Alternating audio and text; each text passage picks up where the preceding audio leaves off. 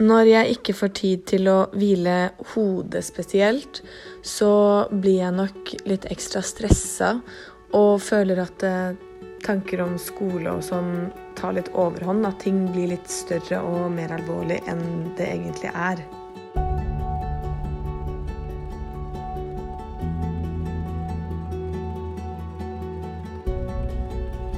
Du lytter til Mestringspodden fra Tekna. Her løfter vi temaet innen psykisk helse for studenter. I dagens episode skal det handle om hvile og betydningen av den. Du møter Tekna-studentene Emma, Karoline og Mathias, i tillegg til psykolog Karina Kahl. Mitt navn er Kenneth Stubhaug Karlsen. Hvile er essensielt for at vi skal kunne virke, både mentalt og fysisk. Psykolog Karina Kahl forteller at hvile er en forutsetning for at vi mennesker skal fungere godt. For at både hjernen og kroppen skal fungere optimalt, må vi ha overskudd. Det forutsetter virksom hvile. Vi har et nervesystem som veldig forenklet kan skrus på og av. Og mange av de essensielle funksjonene som cellefornyelse, immunforsvar, mental spennvidde, hukommelse, konsentrasjon, kreativitet, evnen til å ta inn ny informasjon og til å treffe gode beslutninger, foregår når vi er trygge og rolige, det vil si at det parasympatiske nervesystemet er aktivert. Det vil si av-knappen. I vår tid skal vi håndtere et overveld av kontinuerlig inntrykk, hvilket stimulerer det sympatiske nervesystemet på knappen. Dette er vi bygget for, men vi trenger verktøy for å kunne regulere oss ned i en verden som aldri stopper.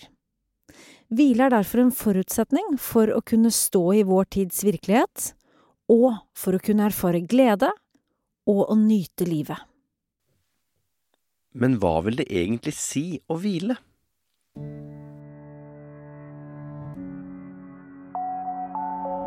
Hvile for meg er eh, å koble av eh, og rett og slett tenke på noe annet uten å tenke på de tingene som eh, stresser meg i hverdagen. Oftere enn at kroppen må hvile, så føler jeg at hodet må hvile, egentlig. Spesielt som student. For å hvile hodet så gjør jeg nok det motsatte av det jeg gjør for å hvile kroppen. At da vil jeg heller løpe meg en tur, f.eks., eller gå ut i skogen. Der føler jeg ofte at jeg får hvile veldig i hodet. Fordi det føles som at tankene liksom bare fordufter opp i lufta, siden det er så høy takhøyde, på en måte. Hvile kan være aktiviteter som gir deg fysisk overskudd. Aktiviteter som gir deg mentalt overskudd. Og aktiviteter som gir deg emosjonelt overskudd. Det vil si overskudd til å kunne være til stede i møte med både egne og andres følelser. Hvile kan derfor være alt fra fysisk aktivitet til meditasjon, stillhet, alenetid, men også å tilbringe tid med venner. Hva skjer hvis vi ikke hviler? Dersom jeg har hatt liten tid til å hvile, kan hodet gå litt i surr, og jeg kan være ganske stressa. Jeg kan også bli ganske sliten og demotivert. Føler meg liksom ikke helt som meg sjøl, i og med at energinivået kan være såpass nede. Og til tider nesten litt trist. Hvis det har gått for lang tid uten hvile, så kan jeg, det ende opp med at jeg blir forkjølt eller sjuk, rett og slett. Hvile er viktig for immunforsvaret, både det fysiske og det mentale. Når vi ikke hviler nok, blir vi oftere syke, og mentalt erfarer vi større følelsesutsving. Vi får mindre overskudd til å håndtere livet. Du kan tenke på det som at systemet ditt blir overbelastet, hvilket gjør at du har mindre kapasitet til å håndtere de små og store aktivitetene, hendelsene, gjøremålene i hverdagen.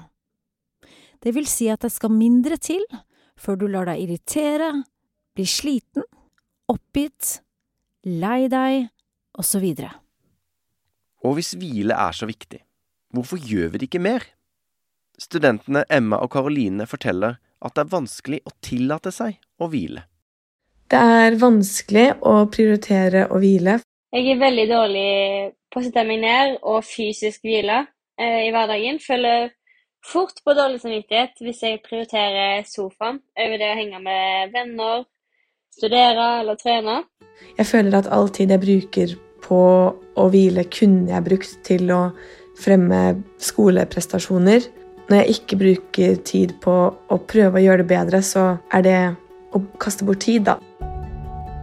Vi lever i en tid hvor effektivitet og nytteverdi regjerer, og hvor nedetid ses som bortkastet fremfor som en investering både i fysisk og mentalt overskudd. Kreativitet og fleksibel tenkning, eksempelvis, forutsetter tid og ro. Det vil si hvile. Så hvordan kan vi sikre at vi prioriterer hvile, selv om studiesamvittigheten gnager? Definere hva som må gjøres, hva som bør gjøres, og hva du har lyst til. Og sett det inn i en kalender, hvilket gjør det tydelig visuelt hvordan du bruker tid og energi.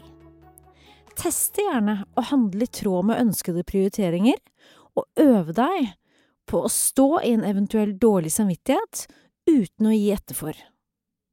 Når vi gir etter for, det vil si at du dropper noe som egentlig gir deg næring, fordi du føler at du burde noe annet, det vil si nedprioritere venner, fordi du føler du må lese, så kan vi også gi næring til den dårlige samvittigheten, det vil si vi stimulerer den.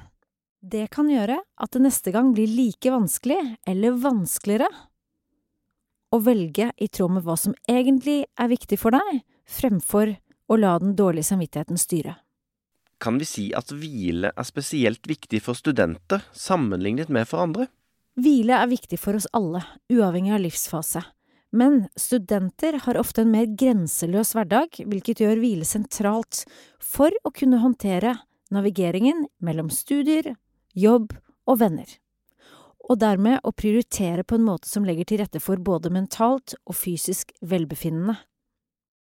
Det å prioritere hvile føler jeg at jeg har blitt flinkere til ut i studiet. Jeg har blitt strengere med meg sjøl, for jeg har erfart hvor mye bedre og hvor mye mer effektivt jeg jobber hvis jeg har hatt eh, en pause eller en hvileperiode. Eh, man får jo gjerne ikke lest effektivt over lengre tid uansett, så det, hvis man tar pauser og jobber effektivt når man først jobber, så får man like mye ut av det, tenker jeg. Hvile gir overskudd til å glede seg over studietilværelsen, og til faktisk å kunne lære. For å kunne være på, må vi også kunne være av. Du kan muligens relatere til å krampelese opp mot en eksamen, for så å glemme hva du egentlig har lest kort tid etter. Hvis du investerer i hvile, så legger du også til rette for at det du tar inn, det du lærer, kan implementeres på en dypere, mer solid og varig måte, slik at du også kan huske det og bruke det i fremtiden. Du har hørt Mestringspodden fra Tekna. Hvis du studerer naturvitenskap eller teknologi og planlegger å ta en master, kan du bli Tekna-medlem. Les mer om medlemsfordeler på tekna.no. slash student. Trenger du noen å snakke med, kan du ringe Mental Helses gratis døgnåpne telefontjeneste på nummer 116 123.